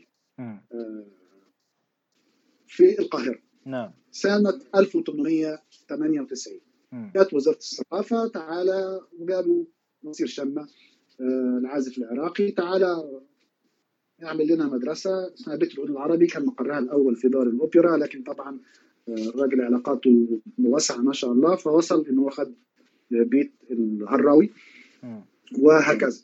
المشكلة آه، إنه الأساسية إنه المدارس دي قايمة على أسلوب الشخص الواحد. الأسلوب الشخصي الواحد أو أسلوب الشخص الواحد. ف. آه كل إناء ينضح بما فيه. نعم. عندنا اهتمام بالأصول الموسيقية. يتم تلقين الأصول دي يعني مقامات يعني إيقاعات يعني كده. لكن حظ بيت العود العربي إنه قالوا يعني أفضل الناس. لأنه هتلاقي أسماء زي حازم شاهين زي مصطفى سعيد آه، وغيرهم خريجين بيت العود العربي. لكن ده كان اللي هو بيسميه حتى نصير شمه آه، الجيل الذهبي اللي هو أول عصر أول ما دخل. لكن طبعا المشروع ما نجحش بهذه الدرجة يعني آه، بسبب عبقرية المشروع. حصرا لكن لأنه ده سبب اللي هو خيرة الناس جت تدرس عنده. وثاني سبب انه الإعلام المصري أصبح لا يعترف لمدة ثلاث سنوات بأي عازف عود في الدنيا كأنه يعني من أيام العصر العباسي حصل blackout وبعدين جه نصير شمة ده اللي حصل فعليا يعني. فبقى مركز عليه جدا جدا وده استفز ناس كثيره جدا وأحبطت في مصر. في وقت أنت بتحارب فيه مثلا موسيقي زي الأستاذ عبد القادر اللي بيدرس في بيته من سنة 69 ببلاش. تمام؟ نعم. وتجيب النصير وتعالى وبتاع وتنزل له منشك على بياض. جميل. تمام. فهي مدرسة غير مدرسة الشريف في حاجة. طبعا هو خد نفس الفكرة ثلاث أيام في الأسبوع آه والدراسة بعد الظهر بس آه كده وتدرس بقى. بس طبعا اختصر المدة. قال لك بدل ما تقعد تدرس ست سنين لا ست سنين إيه؟ مفيش لا نظري ولا الكلام ده كله. إحنا هندرس عملي على طول. نعم. تقعد تقول مقطوعات. شخص زي الله يرحمه أيمن حامد وده حدش يعني مهضوم حقه الله يرحمه. أيوه قول لي قول لي عن أيمن حامد ثاني أيمن حامد كان آه، هو اللي شايل بيت العود بالمعنى الحرفي للكلمه من ناحية المنهجية. لأنه راجل فيك تربية ولأنه كان مثقف جدا وأنا كنت بروح عنده البيت وهو كان يعني شايل مسؤولية. ومن أسرة آه، وجد نفسه والده توفى فأصبح مسؤول عن والدته كده لكن كان عنده حب للمعرفة وشغف غير عادي ما كانش في مكان في أوضته أو في بيته ما فيش آه، ما فيهاش كتاب نعم. لحد لحد السقف. نعم. وكان دايما بيعوض هذا النقص المعرفي والمنهجي اللي مش موجود عند نصير شمة المؤسس اللي هو بس طبعا هو أستاذ شاطر فيما يعرف برياضة اليدين. اللي هو تدريب الاصابع وكده فهو شاطر في ده جدا. لكن ما كانش في معرفة مقامية ولا زال ولا معرفة آه، إيقاعية. وده يعني حاجة يعرفها. فعوض آه، أيمن حامد الله يرحمه آه، فكرة نقص المعرفة المنهجية والمعرفة لها علاقة بالمقامات وبالقواعد وبالأسس النظامية في الموسيقى العربية. وكان عينه دايما على كل الطلبة. الجدد علشان يساعدهم هو له فضل على كل واحد فينا أو على الأقل على جيلي اللي اشتغل. وأكثر من الناس وأكثر واحد ساعدني أو شجعني إن أنا أروح ناحية البحث العلمي وأنا بشكره الله يرحمه على هذا الموضوع. ومحدش بيجيب سيرته لأنه للأسف يعني في نرجسية غير عادية وهو اللي اخترع الكون وكده. ففي إهمال وتهميش لدور أي حد حصل والدليل طيب. إنه من 2010 وطالع المدرسة أصبحت يعني ما بتخرجش ناس وبرضه هذا الكلام بيقوله نصير شمه مش مش بقوله يعني من نفسي. فايمن حامد عوض هذا النقص. حازم شاهين عوض فكرة إن المدرسة الشرقية لم تكن ممثلة. ما أنت عندك بس عازف بيعزف بأسلوب. مصطفى سعيد كمان لما اتخرج بدأ يدرس. وبدأ ينقل معرفة للناس. الفرق إن هذه المدرسة تعطي شهادة غير معترف بها على عكس المدرسة بتاعت حيدر اللي هي كانت معهد نظامي وأكاديمية فنون وكده. فأنت حتى الآن بتروح تعمل مشروع تخرج ما فيش أي معايير ثابتة. أهم حاجة هو نصير شما يعني إيه يقول أنت هتتخرج فتتخرج. ما أنت ما تتخرجش ما تتخرجش. أنت تاخد شهادة تاخد شهادة. أنت ما تاخدش شهادة ما تاخدش شهادة والأمثلة كثيرة على كده. فبقى عندك درجات متفاوتة جدا جدا من الناس. وهم اللي لهم الحكر لأنه عنده علاقات كبيرة في اي مهرجان عود هو اللي بيرشح وهو اللي بيسمي وهو اللي بيعمل وهكذا. فدخلنا في مأساة كبيرة جدا لم نصل لها من من من قرون يعني. طيب عندي سؤال. أنا ليش أنت تفصل مدرسة الشريف حيدر عن البيت العود؟ يعني هي جزء جزء مشتق منها وحتى لو اختلف الزمن أو انقطعت آه. هذه وبدأت هذه لأسباب أخرى. هي في النهاية اشتقاق. أول حاجة طبعا لأنه يعني ثقافة الشريف محي الدين حيدر لا ريب فيها. ثقافته المزدوجة المبنية على معرفة حقيقية يعني. بالمقامات وبالاصول بالرصيد النموذجي العثماني أو بالموسيقى الغربية اللي معظم الموسيقيين اللي النهارده بيعزفوا عود وبيحاولوا يعني يقتبسوا منها بياخدوا منها قشور عشان نقول برضو إلا يعني من رحم ربي أو الناس المتمرسة قوي في في هذا الموضوع. وأنا برضو أرجع وأقول مش ضد اللي عاوز يعمل منهج عود عشان تعمل عازف أوركسترا تفضل يعني ما فيش مشكلة. بس أهم حاجة إنه ما يكونش فيه طغيان على فكرة المنهج الأساسي. تاني حاجة إنه التجربه الشريفه قعدت لها 10 سنين وعلى طول الموضوع اتلم، إحنا داخلين النهارده في 20 سنة أو 21 سنة. ومحدش انتبه إنه هذه النواقص. لا الموضوع عمال يكبر ويزيد. وانت لا, لا بتدرس مواد نظرية. أنا اللي أعرفه إن بيت العود العربي ده يكون المفروض يكون بيت بقى عود.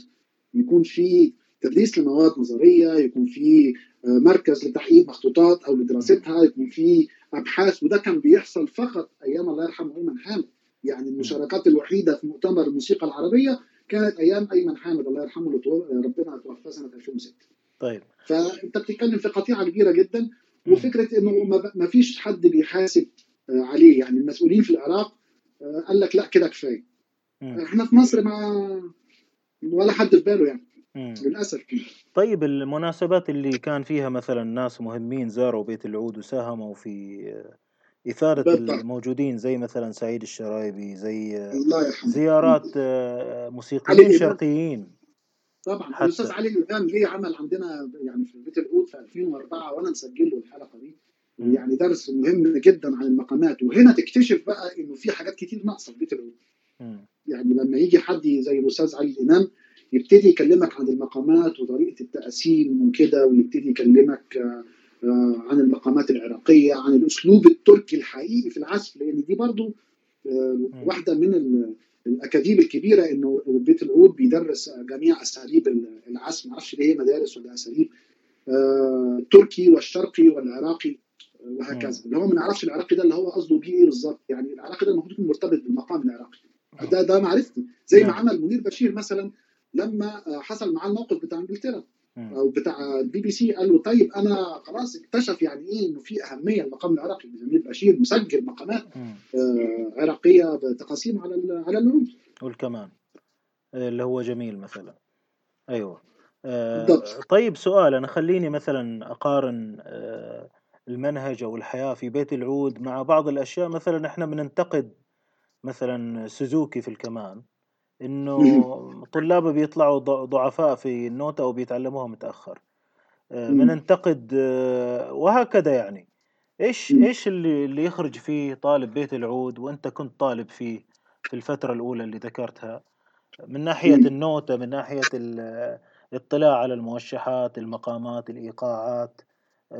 إيش بيتعلموا بالضبط؟ يعني إحنا بنشوف نسخ من بيت العود صغيرة هنا وهنا نسخ من بيت العود أنا بقول يعني. هنا وهنا خارج مصر يعني ولا تنتمي لاسم بيت العود.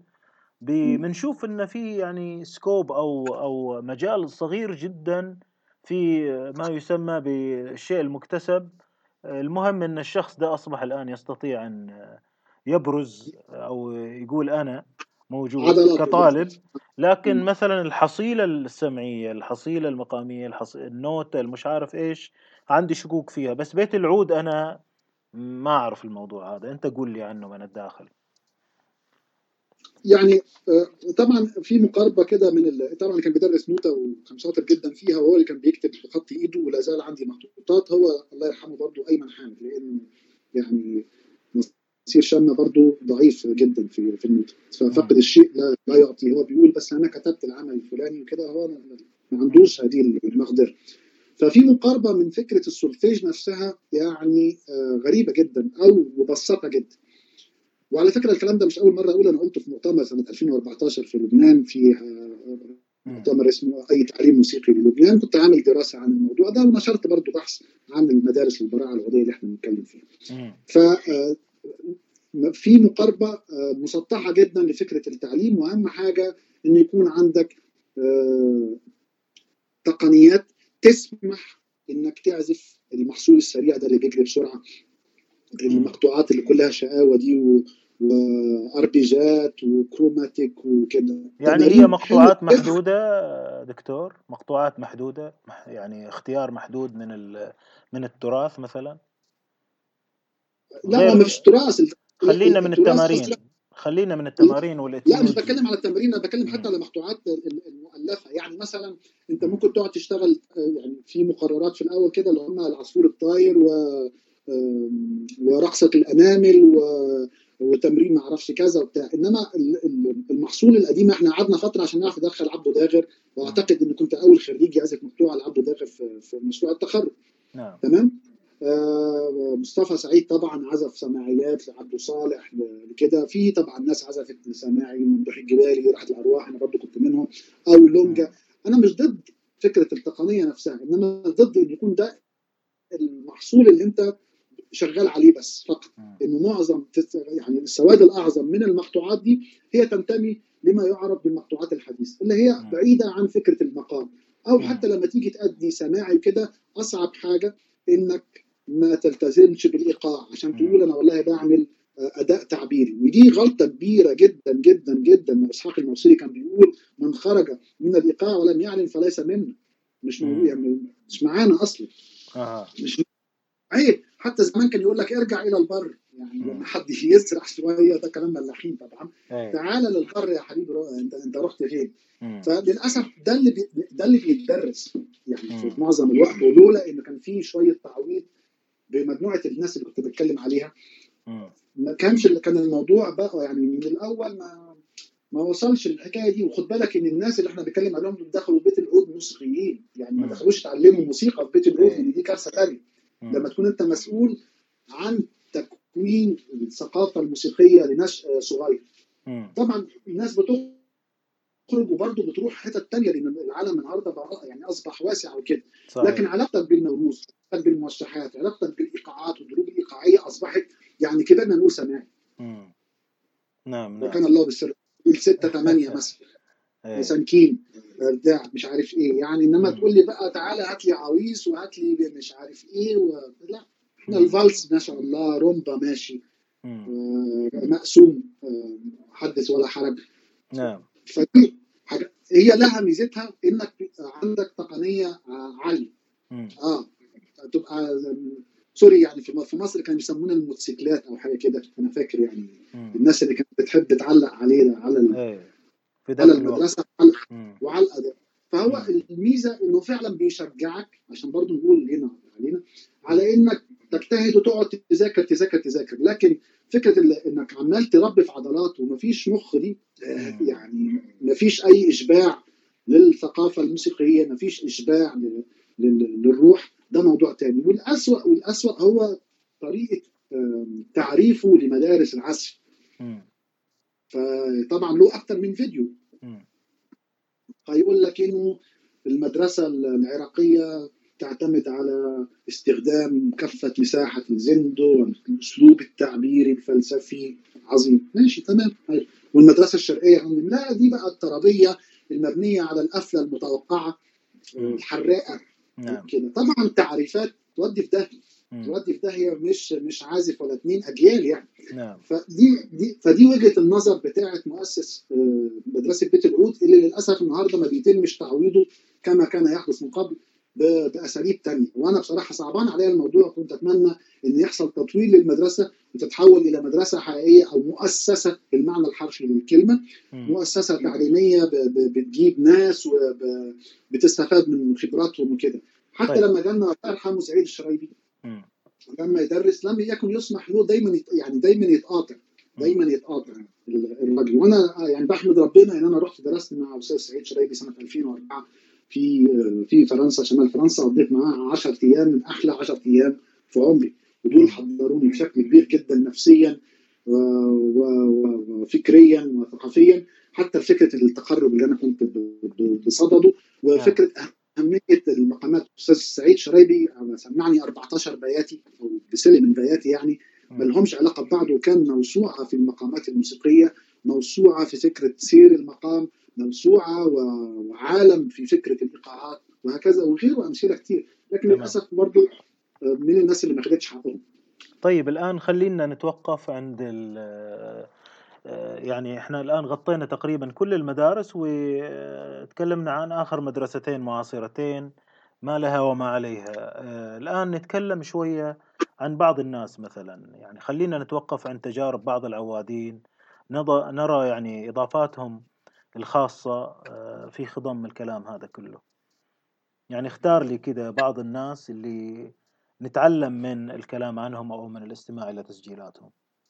والله لو نحب نبتدي بموضوع التسجيلات فأنا أحب نسمع مثلا حاجة لمورس بيك آه، راجل تركي وبيمثل هذا الأسلوب بطريقة يعني نقية نقدر نقول وبمعلمه و- و- واحتراف شديد وبحس عالي جدا جدا جدا.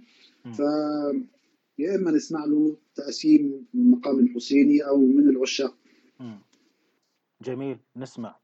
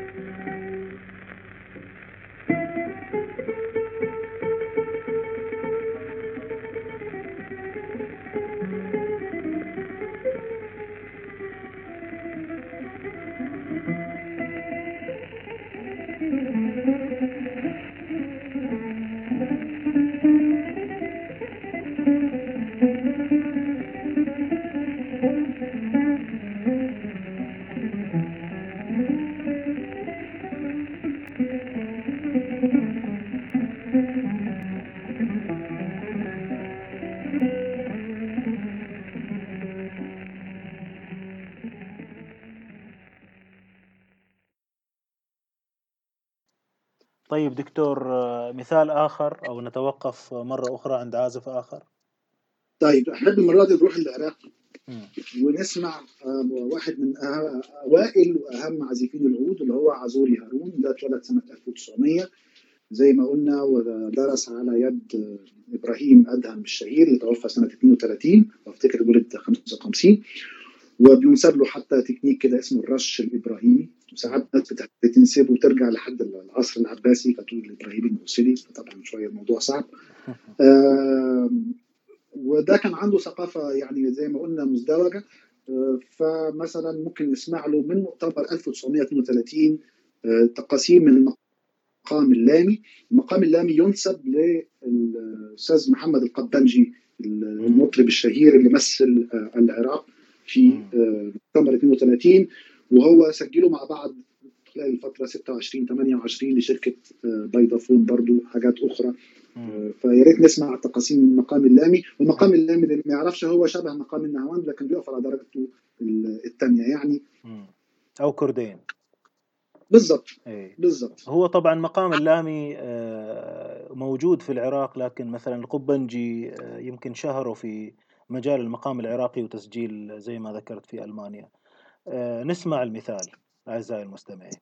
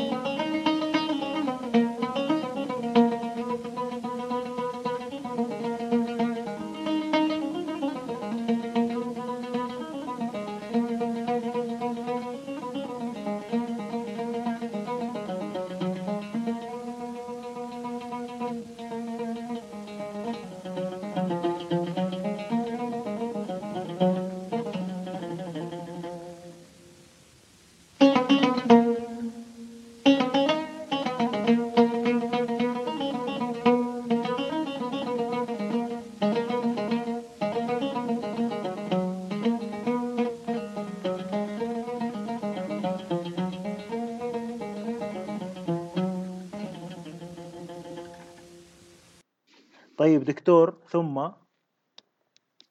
آه نروح بقى ناحية تونس. ونسمع آه العود العربي. العود العربي هو عود أقرب قياساته لما وصفه ابن الطحان في كتاب حاول فنون. وهو عود رباعي الأوتار زي كل الأعواد المغربية اللي قلنا عنها. وبيشد عليها أوتار أمعاء وبتبقى الأوتار مشدودة جدا وبيعزف عليها بريشة نسر ومسكة الريشة حتى مختلفة لأنه الريشة بتخرج ما بين السبابة والوسطى. نعم. مش زي مسكتنا الاعتيادية. فنسمع له آه، تقاسيم آه، من برضو ما سجل في مؤتمر 32 من مقام الزير اللي هو آه، الموازي المعادل لمقام الرست عندنا. ممتاز. اذا نستمع. طابع الزيل.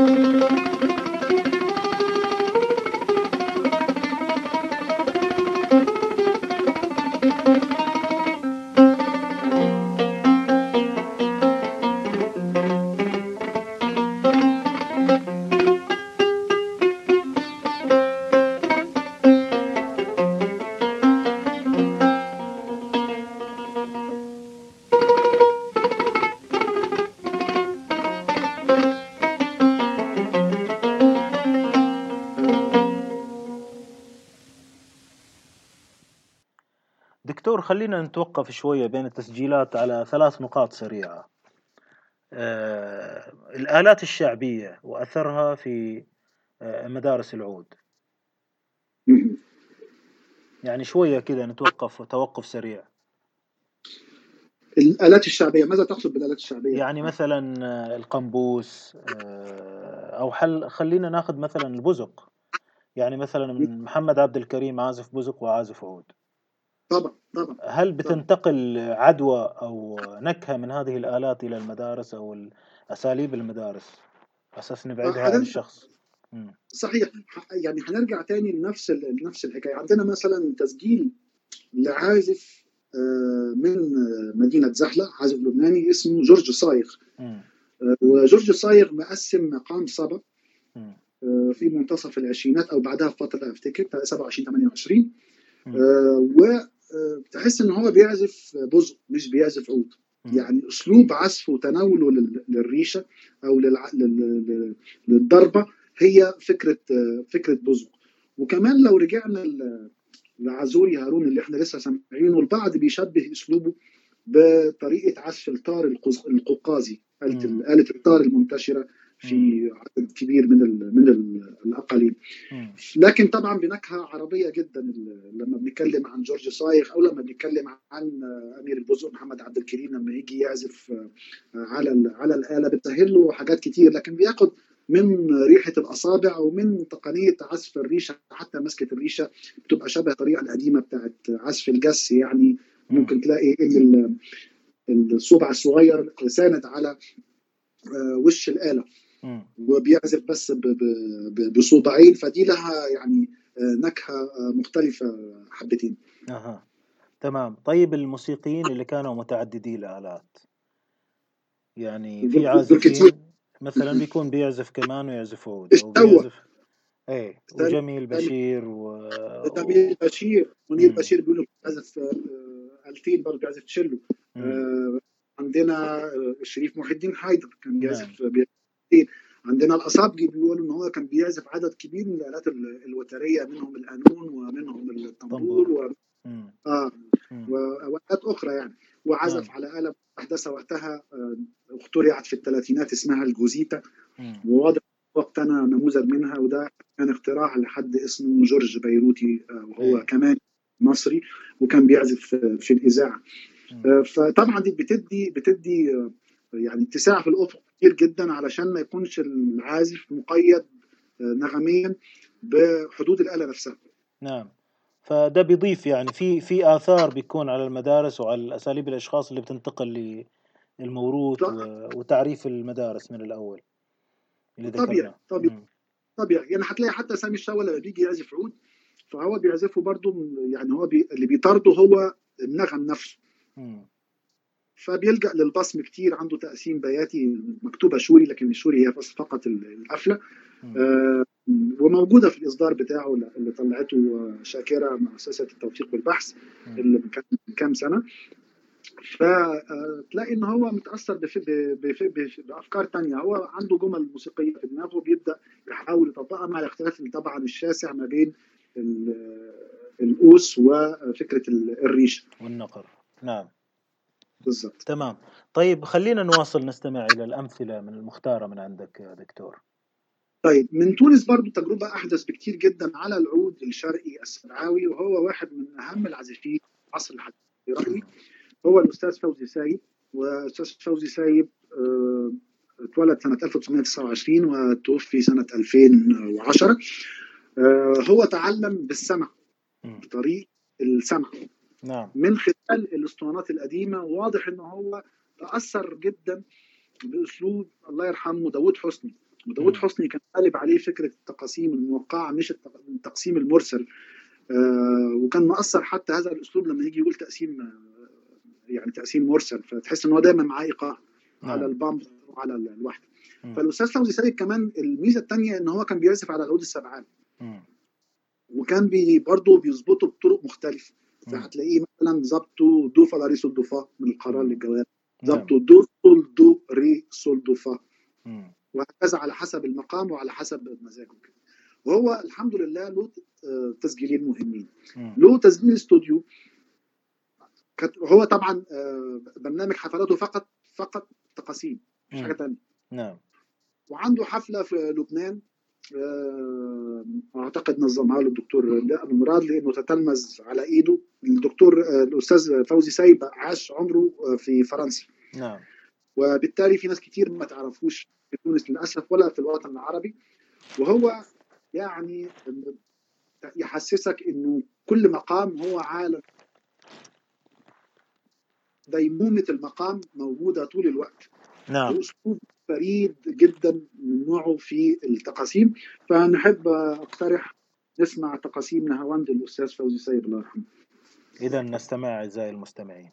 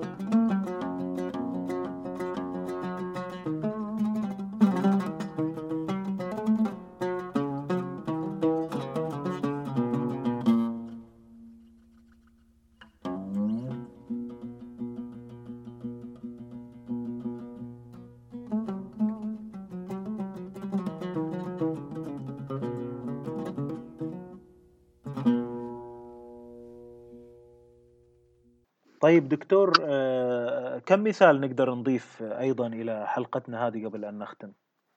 والله أنا آخر مثال لأستاذي والله يرحمه أستاذ سعيد العظيم. لا أعتقد إنه هو في حد ذاته بقى مدرسة مختلفة تماما. يعني عم شكل من أشكال المدارس المغربية الجديدة اللي فيها خلط متزن جدا ما بين عدد من الأساليب المختلفة فمن المصري شغال من الموسيقى الإيرانية ماشي من الاتراك ماشي من النكهة المحليه لعود الرمل أو الموسيقى المحلية الأندلسية ملحون نعم. ماشي من الموسيقى الهندية. وكان متعمق بشكل كبير جدا جدا جدا في دراسة المقامات.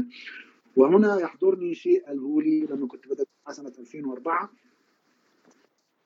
نعم. قال لي الناس كلها بتعزف كانت ثالثه من سماع نهاوند الشهير بتاع مسعود جميل على إنه شاهيناز مصور على الميم نعم. افترضنا بنعزف نهاوند الدو في حين إنه هو مقام اسمه الاويج ارا نعم. وده مقام نادر جدا جدا جدا. يمكن يستخدمه من القلائل اللي استخدموه كان الله يرحمه آه، كامل الخلعي وكاتب عنه آه، في أوائل القرن اللي فات. وأحب أسمع له نسمع له تقاسيم من مقام الاويج ارا الصعب جدا من جهة الأبعاد لأنه في نغمتين فقط يعني ما فيهمش تحويلات والباقي كله عبارة عن ثلاث أرباع.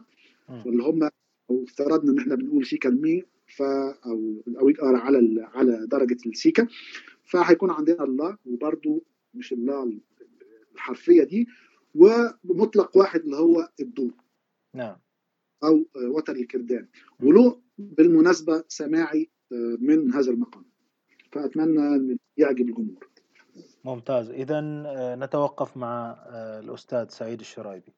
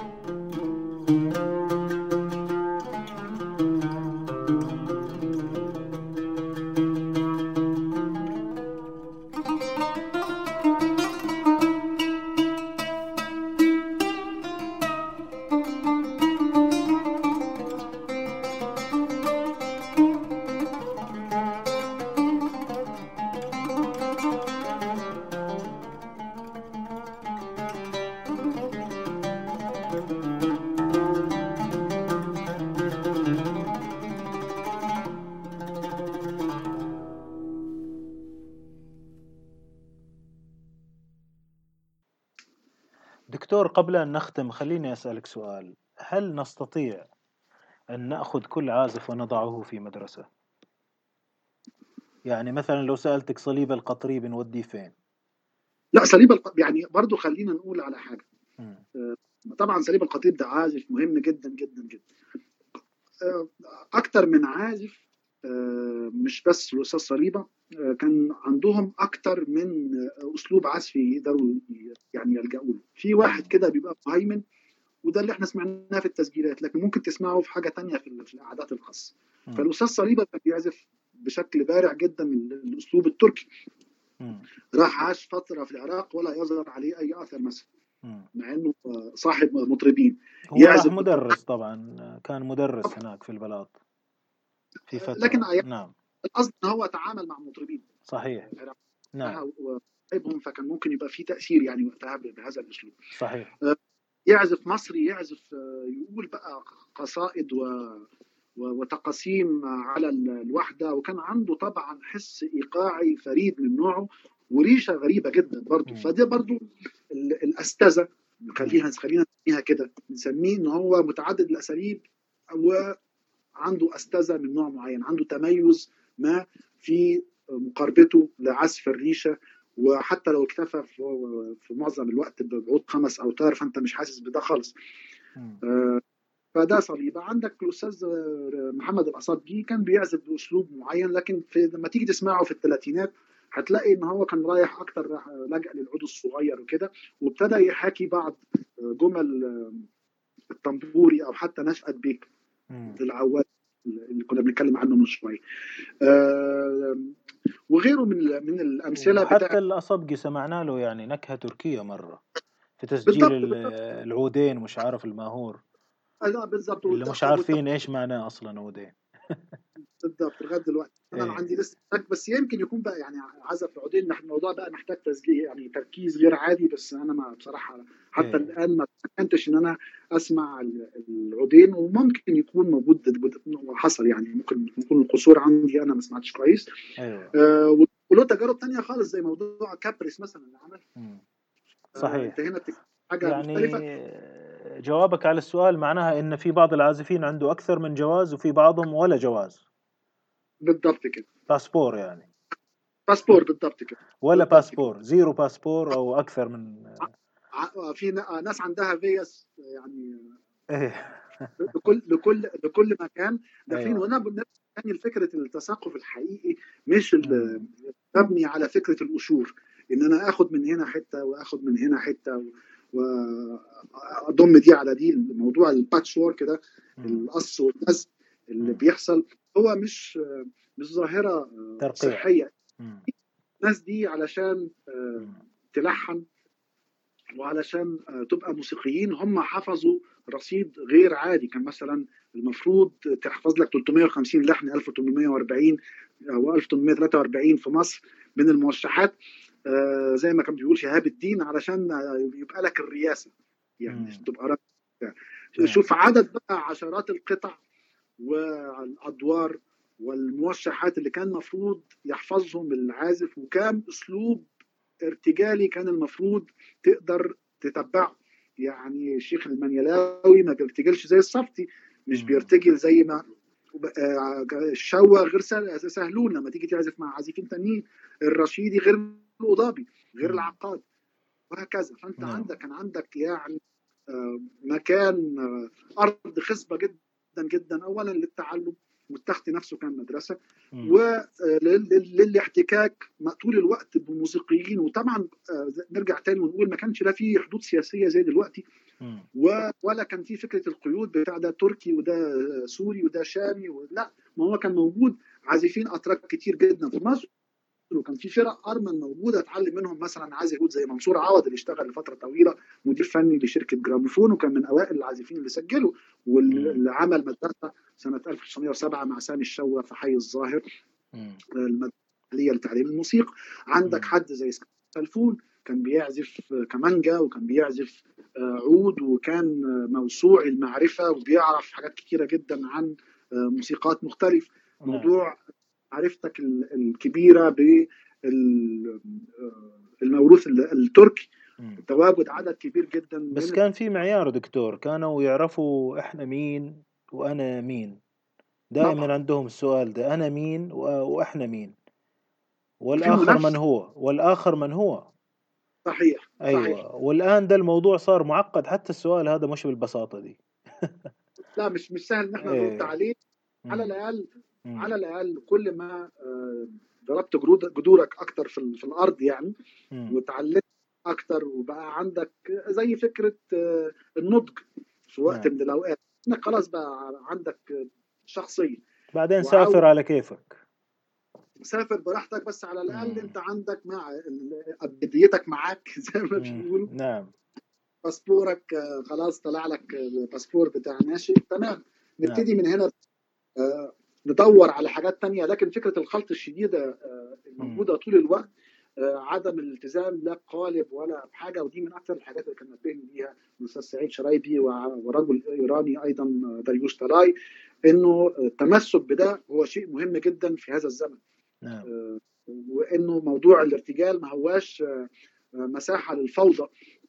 أو التقاسيم ما هياش مساحة للفوضى لكنها مساحة لترتيب الأفكار واستعراض آه، أو استكشاف آه، المقام في كل مرة مع احترام عدد معين طبعا آه، من القواعد لكن الموضوع لازم يكون على الأقل مقنن وما. ينفعش زي ناس كتير لما تيجي تتكلم تقوم قايلة لك كلمتين عربي وكلمة فرنساوي وبعديهم كلمتين إنجليزي طيب نعم كسبنا.